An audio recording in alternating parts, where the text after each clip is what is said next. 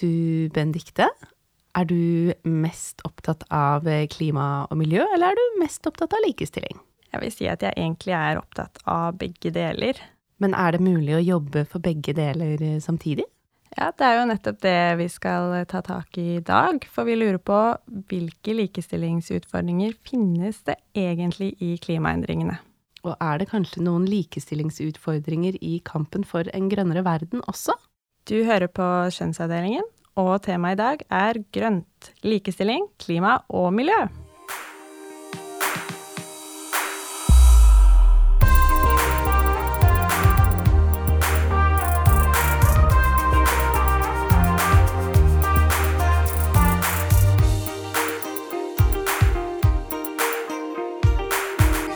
I dag skal vi snakke med Bodil Mål fra Norad om hvordan kvinner i landbruket i Afrika rammes av klimaendringene. Og med Malin Jakob, som annet blogger med grønne jenter om feministiske miljøstrategier. Og vi skal også lære hva økofeminismen har vært og kan være, av Agnes Bolse. Men aller først tilbake til spørsmålet hva er egentlig viktigst av likestilling og miljøet? Ja, Mari, jeg har faktisk eh, tatt meg turen ut i Oslos gater jeg, og spurt noen svært så tilfeldige personer om eh, nettopp det. Og så spurte jeg om de er økofeminister.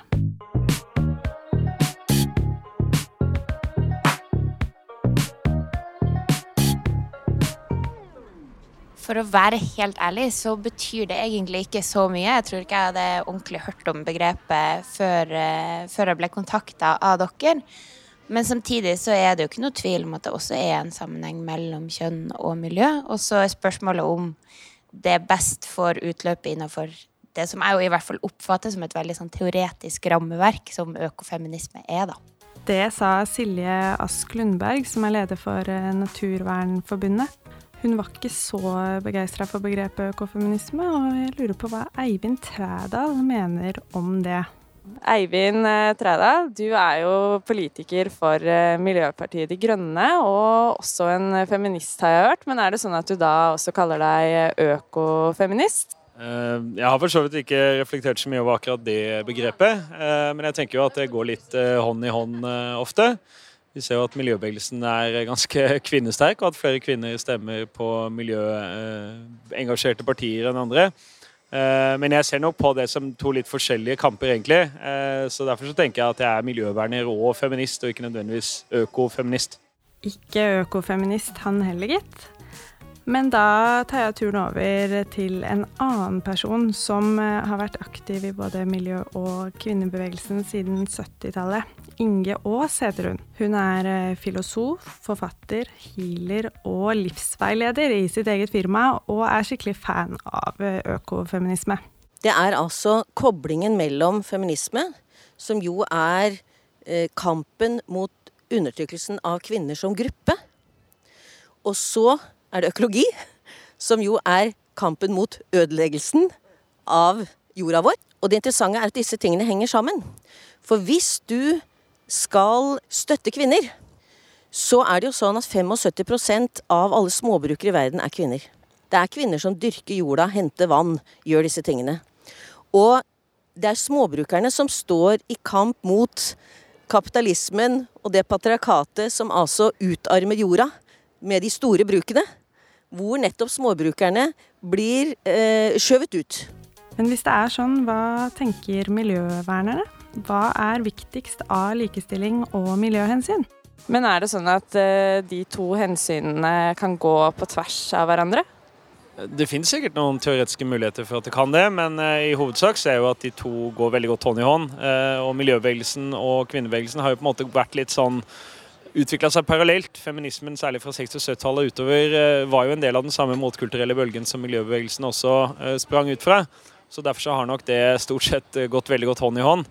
Ehm, og så ser jeg jo at eh, det er et veldig tydelig parallell mellom den strukturelle analysen som feminisme legger til grunn eh, av samfunnet, og også den strukturelle analysen som miljøbevegelsen har. Vi ser jo ofte at eh, det er en overvekt av kvinner i miljøbevegelser, men kan ikke menn også være f.eks. en økofeminist? Det kan man absolutt være. og jeg synes det er veldig interessant. Da jeg ble med i Natur og Ungdom da jeg var 14 år gammel, så var det tror jeg, 60-70% jenter. Og også i dag ser vi at kvinner stemmer mer miljø, eh, på mer miljøengasjerte partier. Og jeg har vært i ganske mange diskusjoner i miljøbevegelsen hvor det er sånn Hvordan får vi flere gutter? Så det er Ikke at jeg trengte flere gutter, jeg syns det var hyggelig at jeg kunne være alene med alle jentene, men, eh, men det er absolutt en, eh, en, problemstilling der. Men i organisasjoner som Naturvernforbundet, finnes det tilfeller hvor dere kombinerer de to eh, kampene, miljøkampen og likestillingskampen? Vi er nok aller mest på miljøkampen, men samtidig så er det vel mer det at vi prøver å jobbe internt med strukturer hos oss. Altså at det skal være likt for kvinner og menn. Vi jobber for å få flere kvinnelige tillitsvalgte. Um, sånn at det er vel mer det at internt så jobber vi for å forbedre de strukturene. Um, sånn at jeg tror at det blir kjempeviktig å få til, altså. Tilbake til eh, Inge Aas. Eh, hva sier hun om miljøvernernes likestillingshensyn, da? Jeg syns det er for lite, og jeg syns det er for lite bevissthet rundt denne koblingen. Fordi at den er enormt viktig når det gjelder måten vi tenker på. Så hva sier du til de som sier at de først og fremst er miljøforkjempere? Kvinner har alltid jobbet for andre. Det er alltid noe som kommer først. Og jeg tror at hvis man skjønner at kvinnesaken må faktisk ligge foran, så vil den gagne absolutt alle andre saker. Ja, det var altså klar tale fra Inge. Men jeg tror jeg må spørre én til. Harald Eia, tenk at jeg skulle møte på akkurat deg i dag når jeg har lyst til å snakke om økofeminisme. Eh, hvis jeg sier det ordet økofeminisme, hva, hva sier du da? Det har vært drømmen å få til. Både at kvinner og menn er likestilte og har like muligheter, og at det er gunstig for miljøet. Så det er, jo, det er jo deilig når alle gode ting går sammen. For eksempel, jeg holdt på med komedie, så kunne jeg kalle, kalle økokomedie. Som både fremmet uh, komediens sak, men også var, var bra for økosystemet. Det er jo en fin idé, og så er det et eller annet sånn derre Kom igjen, kan vi ikke bare satse på én ting. Hvorfor må vi slå sammen to ting til, til en superbra ting? Uh, en del bra ting er dårlige for en del andre ting. Så jeg tenker kanskje likestilling litt dårlig for miljøet. Lite grann. Der var det en del forskjellige meninger. Og økofeminisme, det visste de ikke så mye om, bortsett fra Inge Aas, da. Men nå kommer to som er både feminister og opptatt av klima og miljø. Først Bodil Mål er eh, sosiolog og jobber i seksjon for miljø og matsikkerhet i Norad, og er seniorrådgiver på feltet kvinner og likestilling i landbruk. Hun har så mye som 25 års erfaring fra bistandsbransjen og har bodd fire år i Bangladesh og fem år i Tanzania. Mens eh, Malin Jakob hun har noe sånn som ti års erfaring fra miljøvernbransjen i Norge, bl.a. fra Natur og Ungdom. Og hun jobber i en organisasjon som heter Hold Norge rent, som prøver å få bukt med all søpla og plasten som ødelegger naturen. Hun er også med i bloggkollektivet Grønne jenter, som de siste tre årene har eh, blogga om sine forsøk på en grønn livsstil. Du hører på Kjønnsavdelingen. Eh, nå har vi fått med oss eh, to gjester eh, som er opptatt av både miljø og klima og av likestilling. Velkommen til Malin Jakob og til Bodil Moll. Tusen takk. Takk. Og først, altså én ting er å være opptatt av klima og miljø, og en annen ting er å være opptatt av likestilling, kan jo mange mene. Men er det sånn at det også kan henge sammen? Ja, det mener jeg absolutt. Iallfall i, i de landene der jeg jobber, så henger det veldig sammen. For det at du har et veldig skille mellom kvinners rolle og mann, mennens rolle. Det skal vi høre mer om ja. om litt. Hva tenker du, Malin? Ja, helt klart. Eh, for meg så handler det jo om en systemkritikk og eh, økonomisk kritikk og maktkritikk. Eh, og at det handler om lik rett til ressurser, lik rett til bruk av atmosfæren innenfor klodens tåleevne, og det handler om omfordeling. Så jeg mener de, disse her to henger veldig godt sammen, og at man kanskje ikke engang kan klare å løse det ene uten å løse det andre. Mm. Malin, du er jo med i bloggkollektivet Grønne jenter. Og dere har kalt eh, bloggen en grønn rosa blogg. Og da lurer jeg litt på eh, hvorfor har dere valgt å kalle den nettopp det? Ja, det har vi også stilt uh, oss selv noen ganger. Uh, rosa blogg-konseptet er jo kanskje noe vi uh, har følt litt sånn avasjon mot når vi har vokst opp. Men vi har skjønt at det er en sjanger som veldig mange, kanskje spesielt unge kvinner, er opptatt av. hvor man finner inspirasjon og, og mye glede også. Men at disse rosa-bloggene i stor grad fokuserer på eh, altså, dagens eh, outfit og eh, nyeste innkjøp og kosmetikk og er ganske høyt forbruk. Um, og det vi ønska å gjøre med denne rosa-bloggen vår, da, det var jo å dra den sjangeren inn i en sånn grønn retning. At vi skriver om mye av de samme tingene. At vi skriver om de hverdagslige tingene eh, fra vår egen hverdag, eh, som rosabloggerne gjør. En med sånn personlig beretning om vår, eh, vår reise i, i miljø, ja, miljøhverdagen. Eh, og vise fram de, de alternativene som fins i hverdagen vår, da. Retter dere da den bloggen kun mot kvinner, eller hva er det det rosa står for her, da? Eh, det rosa er jo litt det som den bloggsjangeren eh, defineres innenfor. Litt sånn lettbeint, eh, lettbeint lesestoff, da. Og eh, det er ikke bare kvinner som leser Grønne jenter, men det vi liksom ønsker litt å gjøre, er også å skape gode forbilder for unge kvinner. Eh, og det høres jo litt rart ut at vi skal lage liksom forbilder ut av oss selv, men um, det å kunne skape um, et sted da, for mye av de samme tingene som man leser om i rosa-bloggene, men at man klarer å ta inn eh, både liksom hard facts, som jeg tror er veldig viktig, men også i eh, å dra det ned på hverdagsnivået, da. Og så har vi i Grønne jenter klart noe som jeg mener miljøbevegelsen har vært for dårlig på, og det er å komme f.eks. i damebladene, i det nye og i L og, og sånn. Um, og jeg tror det er viktig å kunne gjøre klima- og miljøsaken så enkel at uh, de som også leser uh, damebladet, altså unge kvinner, uh, kan kjenne seg igjen i. da. det å snakke om klima kan ofte være veldig teknisk og føles langt borte, at man føler ikke helt sånn nærhet til det. Og det kan man gjøre gjennom f.eks. gradienter. da. Dere skriver jo at dere er litt sånn lei av forbrukerkjøret, men i Rosa-bloggens ånd så har dere jo en del forbrukertips likevel, og, mm. um, og skriver om mer miljøbevisst forbruk forbruk. Mm. Men hvordan eh, Hva har dere på en måte funnet ut? Altså, kan man være opptatt av uh, klær og mote og ha lyst på ting og lyst til å dra på ferie, og samtidig skåne miljøet? Ja, jeg mener jo det, men man kan leve ganske fullkomne liv selv om man er uh, miljøbevisst. Uh, og det vi skriver om, er jo f.eks. ferieturer, reiser, hvordan man kan på en måte unngå den her eh, helgeturen til New York og heller ta en helgetur til Stockholm, at det kan være like verdifullt. da. Og eh, kosmetikk, det å unngå, hvordan man kan unngå farlige miljøgifter. Eh, det å være med obs på hvilke hvilken tekstil du kjøper, eh, og hvor hyggelig det er f.eks. å bytte klær i stedet for å kjøpe nytt hele tida. Altså klær er jo, eller tekstil er jo veldig både energikonsumerende, eh, vannkonsumerende, enormt vannkonsumerende, har mye klimagassutslipp og veldig mye kjemikalier. Og det å kunne også se liksom avfall eller tekstil, eh, også tekstiler, inn i et sånn sirkulær økonomisk perspektiv, tror jeg kan være viktig. Og da kan vi liksom vise ja, i dag har vi vært sammen og drukket et par glass vin og bytta klær, samtidig som vi har spart miljøet for så og så mange kjemikalier og spart så og så mye vann, da. Mm, på eh, bloggen deres, eh, Grønne jenter, så sa jeg at eh, dere, som dere sier, så deler dere både da vellykkede og mindre vellykkede forskjell på å være miljøbevisste verdensborgere. Mm. Er det vanskelig å, å leve miljøvennlig?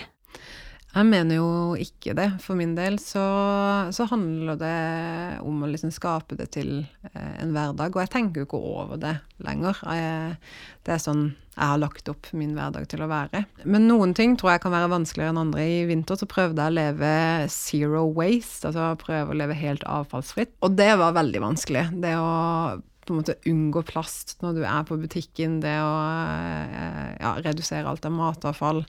Og det var såpass komplisert at jeg følte at det, det tok mer energi enn det ga, da. Eh, og da valgte jeg det bort. Og det er litt sånn som du gjør i din egen hverdag òg. Du finner de klimatiltakene som, som fungerer for deg, så merker man jo ikke egentlig noe særlig til det. Sånn fra dag til dag. Men hvis du skal gi noen uh, sånn grunnleggende tips, hva kan være gode feministiske miljøstrategier? Eh, så hvis man skal se det på litt sånn overordna nivå, så mener jeg at det å trekke fram kvinner i eh, altså i politikken, og grønne kvinne, kvinnestemmer i politikken i organisasjonslivet er veldig viktig, og kanskje spesielt på utdanning eh, er viktig. Men hvis man skal dra det ned til hverdags, hverdagslivet, så er jo det å liksom kutte klimagassutslippene fordi det er bedre for verdens fattige, som betyr også bedre for eh, verdens kvinner. Eh, og det kan være som å kutte ned på kjøttforbruket, det å, å kutte ut en, eh, en flyreise, eller heller ta tog være mer bevisst på hva slags kosmetikk du kjøper, hva slags type forbruksvarer man bruker mye av. da. Men vi hørte i introinnslaget her at det var noen som sa at de var først og fremst eh, miljøforkjempere. Mm. Hvordan kan man jobbe for å få eh, feministiske perspektiver eller likestillingsperspektiver mer inn i, i miljøbevegelsen, da? Jeg kan nok også kjenne meg igjen i den. Som, som, ungdom så var nok jeg også en av de som ville sagt at jeg først og fremst var miljøverner. Eh, men når man begynner å jobbe med den problematikken, så skjønner man veldig fort at det handler om omfordeling. At det handler om en veldig urettferdig måte å fordele ressurser på, og hvem som faktisk får lov til å slippe ut ting i atmosfæren. Eh, og det mener jeg vi som miljøverner må være flinkere til å, til å, snakke om. At dette også handler om mer enn å bare ta vare på kloden vår. Det, det handler om hvilke liksom, økonomiske strukturer strukturer man har. Eh, vi har snakket litt om eh, feministiske perspektiver innad i miljøbevegelsen, men eh, vi vet også litt om kjønnsbalanse, blant annet ja, at det er jevnt over flere kvinner enn menn i slike organisasjoner.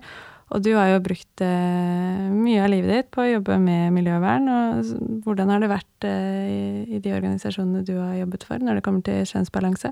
Så det er veldig rett i det, at det er flere kvinner enn menn i mange av både miljøorganisasjonene og kanskje mange andre de sånn ideale organisasjoner. Da. Men det man også har sett litt, kanskje spesielt tidligere da, i miljøorganisasjonene, er at man har hatt kanskje 70 eh, kvinner, men så har det i hovedsak vært menn da, i lederstillingene. Eh, men det har blitt bedre nå, syns jeg. Men det er noe man må liksom tenke over, tror jeg, i, eh, når man snakker representasjon. Hvorfor tror du fordelingen er slik? Eh, her tror jeg det er liksom lett å generalisere litt. Det er nok mange ting som spiller inn her, men at kvinner tradisjonelt sett kanskje har hatt Eller ikke nødvendigvis har hatt, men har blitt lært opp til å ha liksom et sånt samfunnsfokus, eller være, eh, at man også tradisjonelt sett har hatt ansvar for, for storfamilien, og at det er noe som har gått inn i vår våre verdier, da. Og om det er biologisk eller om det er noe vi er opplært til, er litt sånn eh, kanskje vanskelig å vite, men, eh, men, at det er noe ved kvinners eh, verdisyn, at man er opptatt av de store samfunnsspørsmålene som klima og, og sånn. Jeg tror mm. er en del av det. Um, og så fikk jeg lyst til å spørre deg, Malin, fordi når man tenker på sånn, å leve en grønn livsstil, så er, har jeg i hvert fall ofte sånn at jeg enten tenker på en uh, kvinnelig miljøverner i byen som uh, bruker elsykkel og menskopp og sånn, og så eh, tenker jeg på sånn barsk friluftsmann som liksom er ute i naturen og er litt sånn Lars Monsen-type. Og så lurer jeg på, Du har jo ja, vært i, i, både frilufts- og eh, miljøvernbransjen, på en måte, eller det er felt du kjenner godt. Og det her med eh, måten eh, Altså å snakke om menneskers relasjon til naturen, da. Er det ulike måter å snakke om det ut ifra hva slags kjønn de har? Ja, jeg tror, jeg tror det er ganske konstruert uh, hvordan man snakker om det. Uh, og at kanskje liksom, mediebildet har vist litt sånn Jarle Andøy i Antarktis og skal liksom eh, At man skal liksom erobre. Uh, litt det samme med Lars Monsen også, skal liksom være ute i villmarka i årevis og sånn. og man ser det også egentlig litt i litteraturen og i, i kulturen, sånn Mot naturen-filmen og Erlend Loes Doppler. Men i virkeligheten så er det jo ikke sånn. Jeg tror, eh, jeg tror, det er like mange kvinner som menn som er opptatt og har et nært forhold til naturen og også ønsker å bruke naturen. Og jeg tror måten vi snakker litt om at uh, naturen er så farlig og det er noe som skal erobres og sånn, kan fort liksom skremme kvinner litt bort fra å faktisk våge å, å dra ut, da. For jeg kikka litt på dette i sånn tidligere feminister, da, hvordan man har, har snakka om natur tidligere. og Eh, både altså Kristine Bondevie, eh, Camilla Collett, Gina Krog har jo vært liksom, virkelig forkjempere for det man da kalte liksom, fjellkulturen. Og eh, Camilla Collett har jo skrevet i De lange netter, som jeg vil si er en ganske selvbiografisk eh, roman. Eh, der skriver hun Ut måtte jeg, ut i naturen, den store, uberørte, ennå ikke at menneskehånd mishandlende natur. Og så har historiker Anna Kaspari Agerholt eh, i sin bok som heter 'Den norske eh, kvinnebevegelsens historie' fra 1937 kikka på da litteraturen fra kanskje spesielt da, eh, Camilla Collett, eh, hvor hun skriver at man ante kanskje også hva Camilla Collett hadde antyda, at unge menn og kvinners friluftsliv i fellesskap kunne skape et sunt og kameratslig forhold mellom kjønnene, og ville fremme likestillingen i sterkere grad enn kanskje noe annet. Og det syns jeg er veldig fine perspektiver, for i naturen så er vi, vi har alle et uh, opphav i naturen og et nært forhold Vi burde i hvert fall ha et nært forhold til naturen. Og at det her, liksom, her stiller vi egentlig veldig på, um, på bar bakke og på lik linje, alle sammen. Så det er jo hvordan hvordan vi snakker om det, er nok et større problem eh, enn noe annet. Og det å, jeg tror liksom også det å kritisere mannskulturen, eller kritisere Lars Monsen, Lars Monsen for å være mann i naturen, er litt sånn Det virker mot sin hensikt, da. For det gjør at eh, naturen virker veldig uoverkommelig. Eh, så jeg tror vi må være flinkere til å sånn, snakke om naturen som et sted man, eh, man, finner ro og er glad i, og det betyr også at man ønsker å ta vare på det. Mm. Så ut i naturen, alle menn og kvinner. ja. Mm. Eh, ja. nå har vi hørt litt om, eh, om, Norge, men vi skal ut i verden fordi at klimaendringene, som vi vet, er eh, absolutt globale. Og i Norad, som er det direktoratet som eh, sikrer kvaliteten i norsk bistand, så er klima og miljø et eh, viktig område. Mm. Og Bodil, du jobber jo nettopp med klima og miljø i Norad, og bl.a. med spørsmål om landbruk og matsikkerhet. Eh, og kvinner, ja. Og kvinner. Og eh, er det sånn at eh, klimaendringene rammer kvinner og menn på ulik måte? Ja, det er det. Jeg vil, jeg vil gjerne ta litt sånn bakgrunn for hvorfor vi jobber med det. Det var sånn at for jeg tror det er fem år siden så kom FAO, altså Verdens mat matvareorganisasjon med en rapport som heter uh, The State of uh, Food Security og Closing the Gender Gap in Agriculture. Det de mm. gikk inn på det, hva er det som er kvinners stilling innen jordbruk, og, og hvordan de blir uh, behandla i jordbruket. Og de viste at F.eks. i afrikanske land så er det sånn at det er kvinnene som produserer fra 60 til 80% av maten som spises lokalt. Men når det gjelder politikk, når det gjelder tilgang til innsatsfaktorer, når det gjelder jordbruksveiledning, når det gjelder at de er medlemmer av bondeorganisasjoner, når det gjelder kooperativer, så er de der ikke. Fordi de har ikke eiendomsrettigheter til jord. Og det er sånn at, at veldig mange av f.eks. det å være medlem i kooperativet, det var kobla til det at du måtte ha eierskap til jord. Og som regel så er det sånn at kvinnene i Afrika de får tilgang til jord gjennom mannen eller broren eller onkelen. ikke sant? De har ikke egne rettigheter. Og dermed så blir de, blir de ikke med på prosjekter, og de, de eh, må veldig ofte jobbe for seg sjøl. Sånn at, at, du har en veldig sånn patriarkalsk struktur på, på jordbruksnæringene i, i de landene vi jobber med. Og så ser vi det at hvis ikke hvis ikke noe blir gjort med den strukturen, så er det òg sånn at når penger til klimatilpasning kommer, og de, og de, begynner jo å komme nå fra Det grønne klimafondet, fra forskjellige budsjettposter Og hvis de bare går til jordbruket, så vil de ikke komme til kvinnene, altså, for det er mm. patriarkalske strukturer som styrer pengene til, veldig ofte til menn, altså. Og det vi ofte ser når du reiser rundt, rundt på landsbygda i Afrika, det gjelder Asia, så er det sånn at de områdene der klimaendringene har kommet lengst, og der det er mest marginalt, der er det, er det veldig ofte sånn at du treffer nesten bare kvinner og eldre og unger. Og at mennene de har dratt til urbane områder for å se om de kan få seg alternative inntekter. Sånn at det er kvinner som er i de områdene. Og enkelte steder så har de veldig problemer nå, altså. Eksempel fra Etiopia. Jeg var på et, et møte der de hadde tatt inn kvinnelige bønder fra et område der de, der de hadde veldig problemer med vann og sånn. De måtte gå i timevis for å finne vann. Og når de fikk, fant vannet, så var det bare så dryppte det. Så hadde mm. de med seg noen små kanner og fylte. Så, så de, de kvinnen, kvinnelige bøndene de sa det at um, vi, vi, føler vi er utsatt for en vanntortur det var veldig sterkt å høre på hvor, hvor vanskelig de har det nå, altså. Og eksempel når det gjelder Nepal, som er et land jeg har jobba med en del.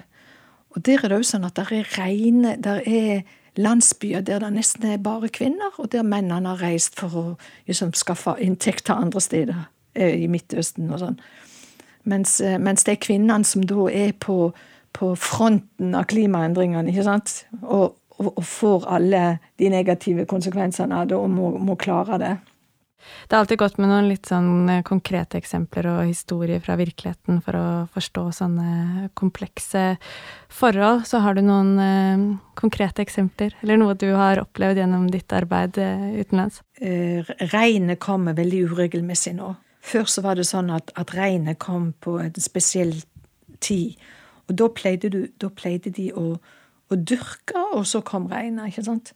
Men nå er det mange plasser sånn at de dyrker, og så kommer ikke regnet, og så må de dyrke en gang til, og så har de ikke råd til det. ikke sant? Sånn at, at regelmessigheten i, i, i regntida har, har, blitt helt endra.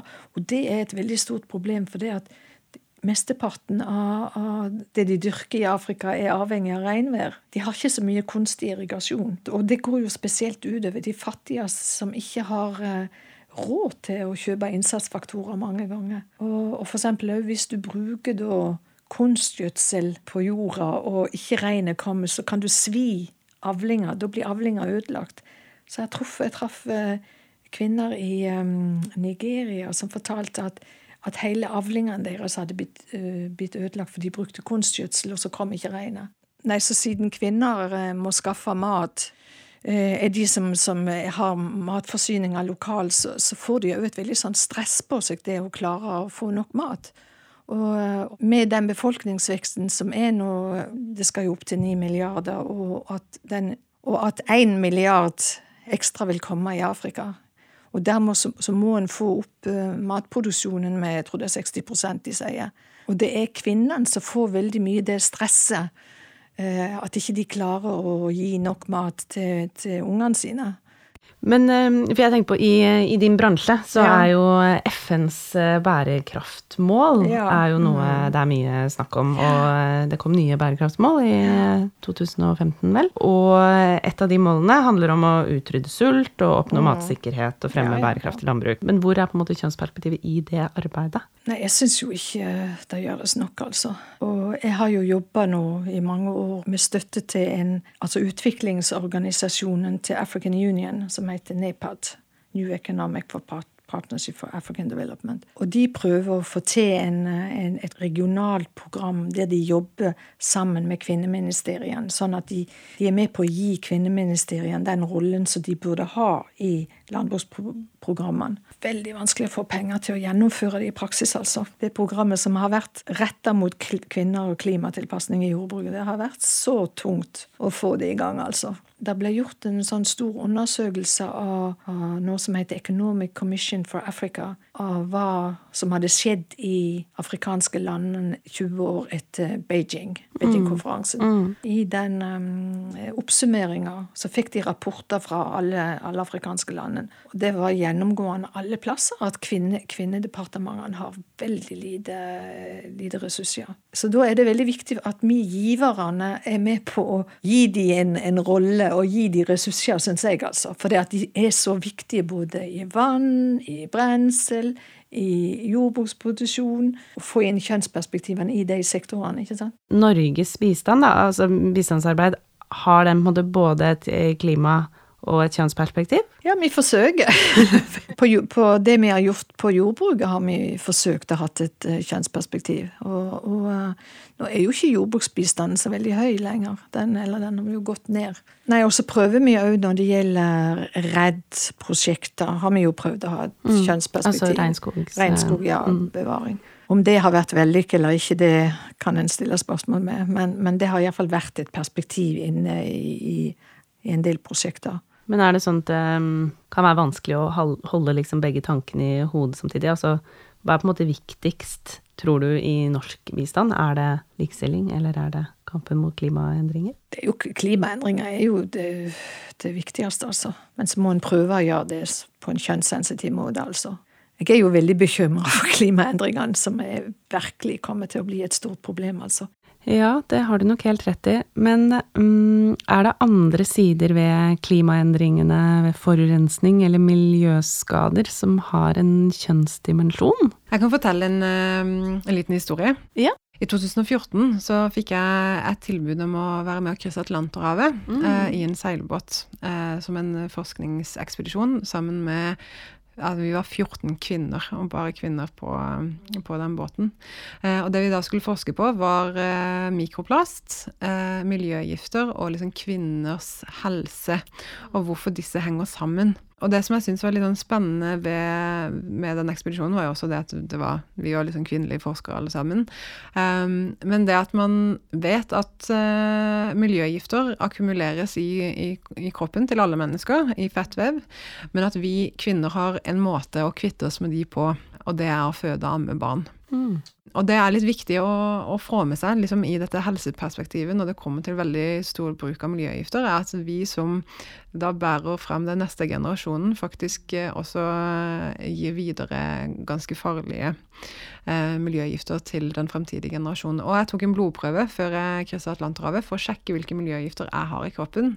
Eh, og det viste seg at jeg har veldig høye verdier av en miljøgift som heter PCB polyklorerte bifenyler, som er veldig kreftfremkallende og hormonforstyrrende. Eh, og så kan man jo tro at det kommer litt fra altså industri eh, fra, fra, der jeg er fra, Kristiansand, eh, og at jeg spiste mye sjømat som barn. Men PCB ble forbudt i 1980, altså ni år før jeg ble født. Eh, og det viser at eh, miljøgifter bruker, har en veldig veldig lang nedbrytningstid, og det finnes i miljøet selv om det er forbudt.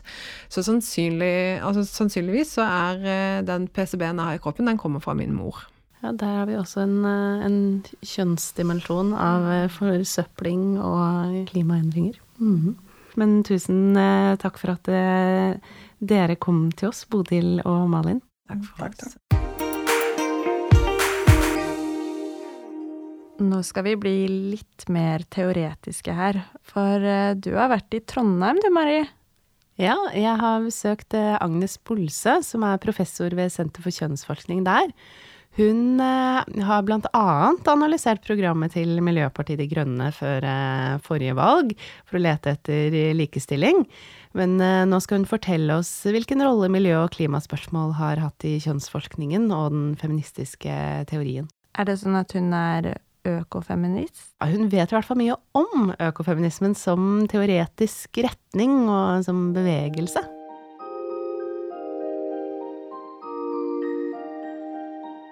Agnes, hva er økofeminisme egentlig? Det var et begrep som uh, oppsto på 1970-tallet. Uh, med en artikkel skrevet av uh, den franske Francois de Bonne, som heter 'Feminisme eller døden'. Som gir et spesielt ansvar til kvinner for, for å kjempe mot miljøødeleggelsene. Det var jo kanskje ikke hun som gjorde begrepet godt kjent blant eh, feminister, både i akademia og utafor, på 80- og 90-tallet. Men for eksempel eh, Vandana Shiva, den indiske fysikeren, var jo en kjent figur, økofeministisk figur i Norge. Hun var på norgesbesøk mange ganger, og vi eh, hadde her på 8. mars, for eksempel, på slutten av 80-tallet. Så hun var jo gikk jo langt i da å koble miljøødeleggelse med kvinneundertrykking, og laga en ø, sammenheng der, en ubrytelig sammenheng. Miljøødeleggelse er per definisjon nærmest eh, også undertrykking av kvinner og det kvinnelige. Og det gikk jo for så vidt rett hjem i flere land, i, i feministiske leirer i flere land og fikk eh, ulik utforming som idé Eh, USA fikk jo de her separatistmiljøene, sånn som de ofte får, da. Uh, med det kvinnesolidariteten, og det er bare vi som kan gjøre det. Mens i Norge fikk aldri det noe tak, kan du si, på feminister. Her ble det mer en oppmerksomhet omkring kvinners kunnskap om natur, matproduksjon, småskala landbruk, sånn at eh, økofeminismen, i den grad folk kalte seg økofeminister, så, så var det mer en eh, sosiologisk og historisk eh, forståelse av det. Kvinner var i en posisjon, historisk og samfunnsmessig, der de har hatt ansvar for å skaffe til mat, mat til veie, og for å ta vare på Utnytte ressurser og ta vare på ressurser. Mens i USA og i eh, ja, selvfølgelig tendenser til det her òg, men i, særlig i USA ble det en tendens til å koble, noe, koble økofeminismen til noe essensielt feminint. Essensielt kvinnelig. Som noen egenskaper vi eh, har iboende. Eh, som gjør at vi både med en gang forstår miljøspørsmålet, og også eh, er rede til å ta grep, og bør ta grep, så det, en, det, lå jo en slags moralsk oppfordring også i enkelte former av økofeminisme. Uh, nå kom jo økofeminismen, den styrka seg utover 80-tallet, kom jo samtidig med en kritikk av essensialisme innafor kvinneforskning og kjønnsforskning. Der man nettopp begynte å forstå at det er ikke bare kvinner og det vesentlige ved kvinner som eh, vi trenger å forstå her. Vi trenger å forstå det vesentlige ved menn, og kanskje er det ikke noe vesentlig med noen av oss. Kanskje skaper vi kjønn sammen. Eh, og er ansvarlig for hvordan kjønn går i de ulike samfunn. Og at det kan gå på ulike måter i ulike historiske perioder, og at også i det tilfellet med økologi og miljø, da, at kvinner også faktisk tar del i overgrep mot uh, naturen. Uh, som konsumenter, som overklasse, som del av overklassen, som del av vest, sier utnytting av sør og øst, osv. Så, så det her essensielt gode ved det kvinnelige begynte å bli tenkt på nytt og særlig med eh, Judith Butlers bok 'Gender Trouble', da, fra 1990-tallet og utover. Men eh, Butler var jo bare et uttrykk for noe som hadde foregått gjennom hele 80-tallet. Du har andre eh, tenkere som var i ferd med å underminere eh, essensialismen i tenkinga om kjønn allerede. Og her er jo Val Plumwood, den australske økofilosofen, en veldig interessant karakter. Hun er kjent for mange som en av formødrene til økofeminismen, men var veldig tidlig kritisk til det og identifiserte seg aldri med begrepet. Og hun sa eh, at økofeminismen på 1980-tallet hadde for det meste feil. Så hun kalte seg for kritisk økologisk feminist. Og var veldig kritisk til denne å forstå forholdet mellom kvinner og menn som, som en essensiell forskjell. Og hun bygde ned den todelinga, ikke bare når det gjelder kvinner og menn, men når det gjelder menneske-natur, når det gjelder rasjonalitet og irrasjonalitet. Hun er en mester i å bygge ned de her eh, begrepsparene som også blir kalt dualismer og binariteter når akademikere snakker sammen. Men å bygge ned de her store begrepsparene som altfor ofte kommer i veien for tenkinga vår. Så gjennom den tilnærminga så ble jeg veldig kritisk til store deler av økofeminismen på 80-tallet. Samtidig så brukte hun jo økofeministiske tenkere og bygde videre på deres arbeid. Og var en veldig raus eh, type uansett. Så hun kom jo aldri i noe sånn antagonistisk forhold til økofeminismen. Og alle bruker Vel Plumwood. Og grunnen til at alle bruker Vel Plumwood, og, at, og grunnen til at jeg er blitt en stor beundrer av henne i dag, eh, er jo at hun er veldig klar over ikke bare kjønnsforskjeller, men sosiale forskjeller generelt. Så sjøl om hun er opptatt av å bygge ned forholdet mellom menneske og ikke-mennesker, mennesker og naturen, så gjør hun oss oppmerksom på at vi ikke må glemme sosial forskjell. Det er faktisk ikke alle mennesker som har representert mennesket. Det er makt knytta til å representere mennesket gjennom historia. Så humanismen kommer både med kjønn og etnisitet og klasse. Mennesket har vært hvit, mann, vestlig.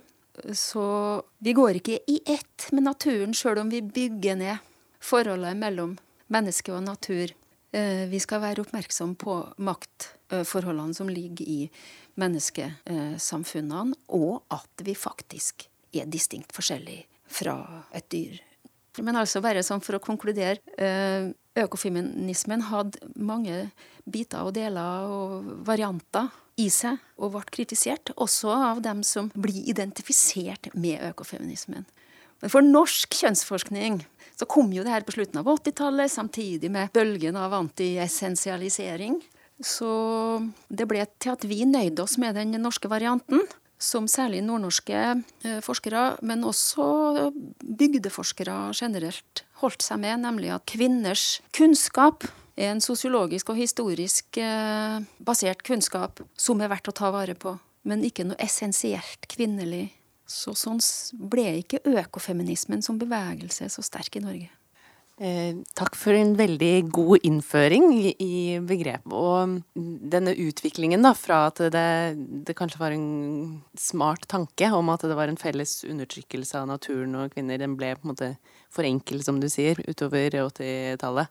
Når man begynte å tenke kritisk om kategorier eh, som mann og kvinne, f.eks. Men men i dag, da, hvor, eh, hvor står økofeminismen i dag? Er, er, det mulig å snakke om en økofeministisk bevegelse, eller, eller, kan vi snakke om et potensial for det?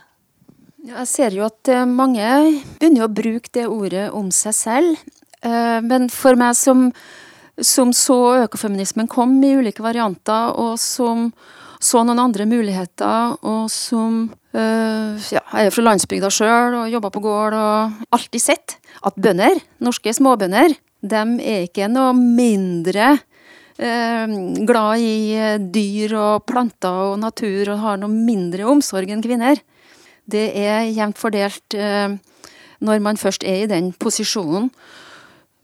Så for meg er det fortsatt ikke aktuelt å å identifisere meg med økofeminisme. Så jeg går med Vel Plumwood for den kritiske økologiske feminismen, som har en innbygd ø, oppmerksomhet både på altfor enkel forståelse av kjønn, men også på å ha et kritisk forhold til samfunnsmessige maktstrukturer. Men eh, vi vet jo at eh, vi står overfor store klimaforandringer, og vi vet at vi har det travelt med å gjøre de endringene i samfunnet vårt som må til for at det skal være et mer bæredyktig samfunn, et mer klimavennlig samfunn.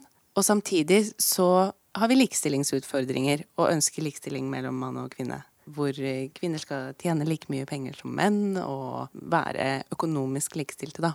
Og så lurer jeg på, kan vi få til begge deler samtidig? Ja, eh, det må vi jo absolutt prøve. Men eh, det er jo ikke så enkelt eh, når man tenker at hvis f.eks.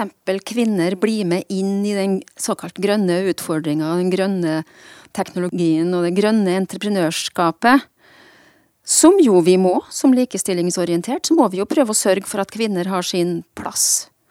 Sånn som vi har gjort eh, med likestilling i, i organisasjonsarbeid, kvinner og makt i næringslivet osv. Kvinner må jo inn der. Vi, vi, vi, kan, vi, kan, aldri slippe den tradisjonelle likestillingskampen. Samtidig, og likestillingsarbeidet, samtidig så må man jo forholde seg kritisk til hva de nye uh, slagordene betyr for klimautviklinga. F.eks. grønn teknologi, grønne skifte. Det betyr da at eh, Og det her er jo en del av kritikken av økofeminismen faktisk også. Det betyr at jeg skiller litt mellom uh, likestillingspolitikken og kampen for uh, endring av klimasituasjonen, klimautslipp. Jeg ser ikke denne tette koblinga som enkelte ser. Jeg mener det er ikke noen åpenbar sammenheng mellom kampen for en mer, bedre klimapolitikk og, og likestilling. I, den, I, fattige land kan det være en veldig direkte kobling gjennom f.eks.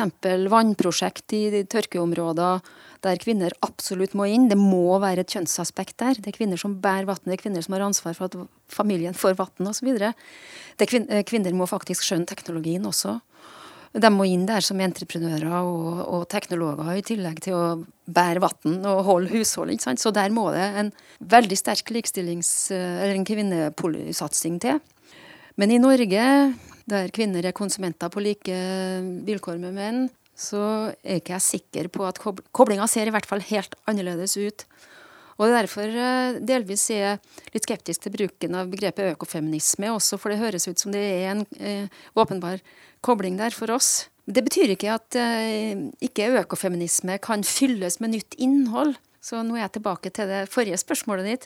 Det kan jo fylles med nytt innhold, og eh, samtidens eh, feminister kan gjøre det til noe med sprengkraft. Men for meg som er en eldre feminist, så drar det fortsatt på for, for mange gamle assosiasjoner. Da. Så hvis de klarer å, å, gi det et nytt innhold, og gi det et, et kritisk politisk innhold i vår samtid, så er jeg med. Og da lurer jeg på, altså, hva har eh, feministisk teori eller feministisk kritikk å bidra med til klimakampen? Ja, Det går ikke an å komme unna Vel Plumwood, som jeg har sagt, men det er en til, og det er jo Donna Haraway, som øh, øh, har øh, veldig spennende tanker om framtida. Og som jeg syns har skrevet veldig rar og litt vanskelig bok som heter 'Staying with the Trouble'. Det hun gjør i det bokprosjektet der, det er å forestille seg en annen fortelling om forholdet mellom oss og naturen, mellom mennesket og naturen. Og det å forestille seg en annen fortelling, da er du inn i science fiction, du er inn i kunsten. Så hun gjør egentlig det samme som uh, Yuval Noah Harari gjør i sine bestselgende bøker uh, om Homo sapiens, uh, nemlig å holde opp Eh, betydninga av fortelling. Hvilke fortellinger lever mennesket ved? For fortellinga har stor betydning for hva vi gjør. Hvis du tror på penger, så hvis alle tror på penger, så fungerer pengesystemet, sier Harari. Hvis alle slutter å tro på penger, så bryter samfunnet sammen. Da må vi finne på noe annet. Da, for, det, for, det, er en fiksjon. Penger er en fortelling, det også. Så betydninga av hvilke fortellinger vi lever ved, kan ikke understrekes nok, og Donna Haraway prøver å tenke nytt om oss og forhold til andre organismer i den boka. Og det er en kjempevanskelig jobb å prøve å gjøre plass for en ny fortelling, for nye fortellinger vokser jo fram sammen med nye økonomier og nye ordninger, nye maktkonstellasjoner. Så det å komme som Donna Haraway gjør, som en forsker hun er biolog, men også filosof. Det å, å komme uten å komme med en økonomi, uten å komme med makt som tilhører eh, en, eh, formas, en sosial formasjon. Det er ikke bare å komme og få gjennomslag for en fortelling. Så det er en ganske dristig, dristig bok. Um, og hun er jo på lag der med kunstnere og, og science fiction-forfattere som hun viser fram og holder, holder opp for oss, da. Så i tillegg til vel Plumwood sin mer eh, sosialrealistiske, altså sin materielle og sosiale tenking som er veldig knytta til, til samfunnet vi kjenner, da, så trenger vi også Donna Haraways sin forestillingsevne. Mm. Så det er noe med å ha fantasi nok også, som, eh, som, forsker, til å se for seg en annen eh, måte å leve på. Eh, noen av de som jobber for et annerledes eh, samfunn, et mer miljøvennlig samfunn, er jo de grønne bevegelsene rundt i, i verden. Og i, i, Norge så har vi Miljøpartiet De Grønne. Har de en god likestillingspolitikk å by på?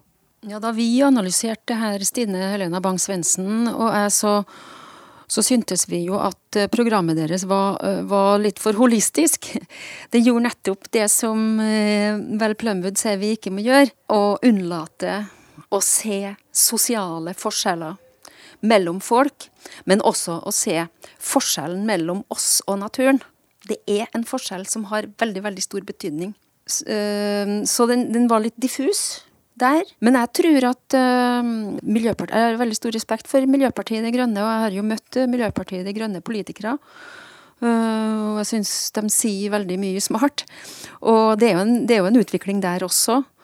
Uh, nå har ikke jeg analysert de siste programmene. Jeg vet ikke om det har kommet, sikkert kommet noe nytt som det har gått an å, å sett på og, på, og sammenligna. Men som sagt de, det er veldig uh, smarte feminister i Miljøpartiet De Grønne. Så det, et, det, er et interessant parti i norsk politikk. Eh, nå vet jeg ikke akkurat med Miljøpartiet, men i mange miljøorganisasjoner så er det jo en overvekt av, eh, av damer, eller og jenter. Men uh, har, har, kvinner, har feminister, noe sånn ekstra ansvar for å, å redde miljøet? Ikke ekstra ansvar, men vi har en affinitet, vi har en tiltrekning, tror jeg, til både til å ta vare på, og vi har en tiltrekning til Uh, å jobbe mindre uh, ute i yrkeslivet. Det er et ganske stort samfunnskritisk potensial hos uh, kvinner. Det ser ut til å være lettere for kvinner å trekke seg hjem for å ta vare på både barn og eldre, syke slektninger osv.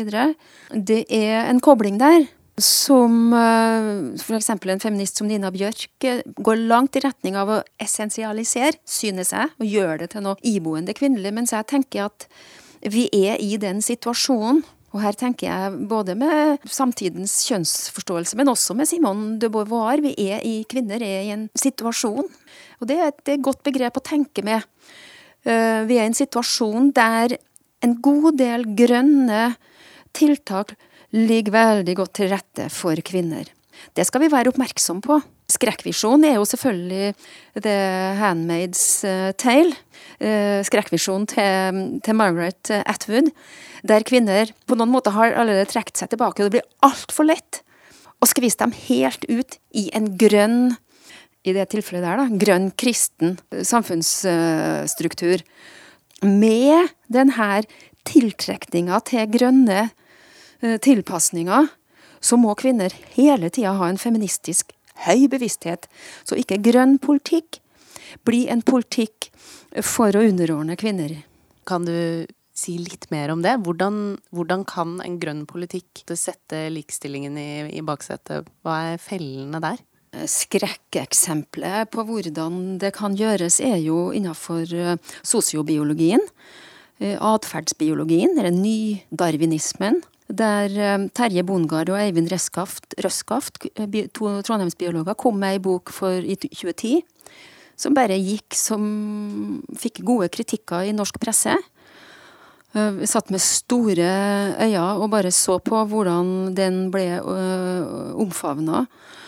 For det er en skrekkvisjon for kvinner. Kvinner trekker seg tilbake til inngruppen og har ansvar for barn yrkeslivet er skadelig for det kvinnelige subjektet. Eh, vi er ikke tilpassa konkurranse og bør derfor ikke være der ute.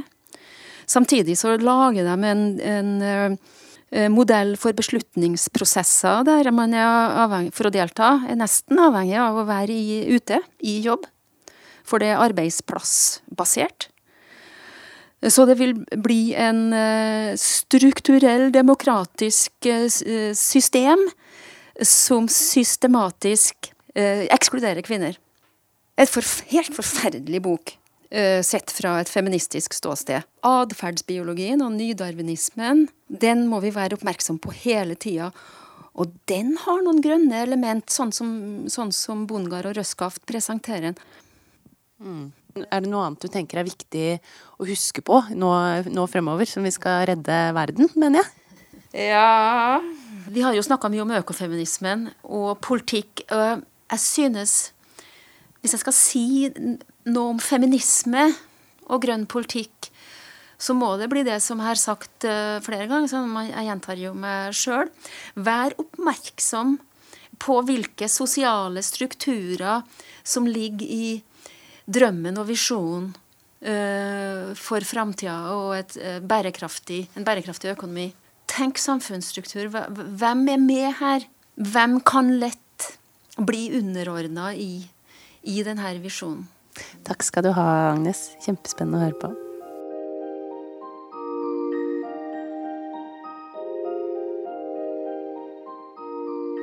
Ja, hvilke likestillingsutfordringer finnes egentlig i forbindelse med klimaendringene? Det spurte vi i starten av denne episoden. Har du blitt noe klokere, Benedicte? Ja, absolutt. Eh, men nå er det sånn at jeg stiller meg nesten litt spørrende til forslag som går ut på å ta én ting om gangen. La oss gjøre miljøkamp og litt likestilling på si, liksom. Eller omvendt. Det er jo ganske logisk, tenker jeg, da, å forene de to kampene dersom vi ønsker et mer helhetlig, rettferdig samfunn.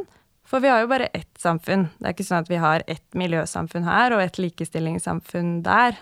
Og dessuten så har vi jo bare én klode. Men eh, man trenger kanskje ikke å kalle seg økofeminist for det, da.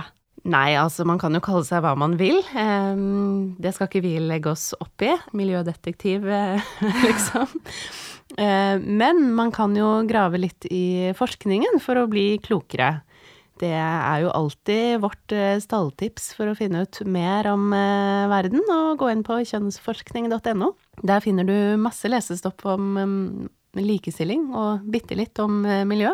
Og ikke minst så finner du resten av eh, podkastepisodene vi har laget så langt. Og podkasten du nettopp har hørt, er produsert av Kilden, kjønnsforskning.no ved hjelp av Ology Studio. Og du hørte Mari Lilleslåtten og Benedicte Sørum.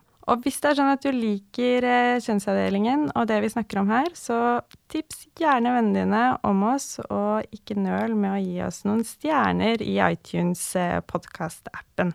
Da kan enda flere få høre om eh, kjønnsavdelingen. Mm -hmm.